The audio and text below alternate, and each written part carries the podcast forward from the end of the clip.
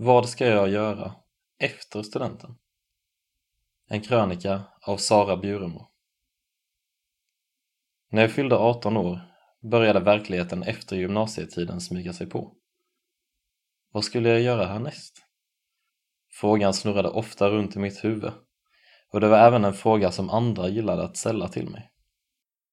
För mig fanns det ingen självklar plan. Jag var skoltrött och ville helst bara sova. Men något var jag ju tvungen att göra. Så jag bestämde mig. Jobba var det jag skulle göra till hösten. Ett enkelt och bra svar tyckte jag. Men Gud hade andra planer på gång för mig. Jag hade länge bett till Gud att han skulle dra mig ännu närmare honom, in i en kristen gemenskap och att han skulle använda mig som sitt redskap. I slutet av april kom det konkreta bönesvaret. Ett mejl damp ner min inkorg med en möjlighet att vara ungdomsledare i en församling som har Jesus i centrum och som dessutom ville göra en satsning på ungdomar. Jag kände mig säker. Det här var Guds plan för min höst.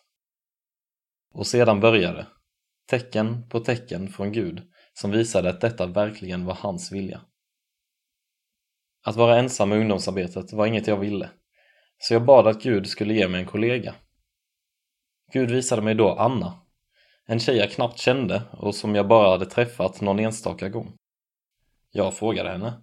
Hon tackade ja och det blev helt underbart.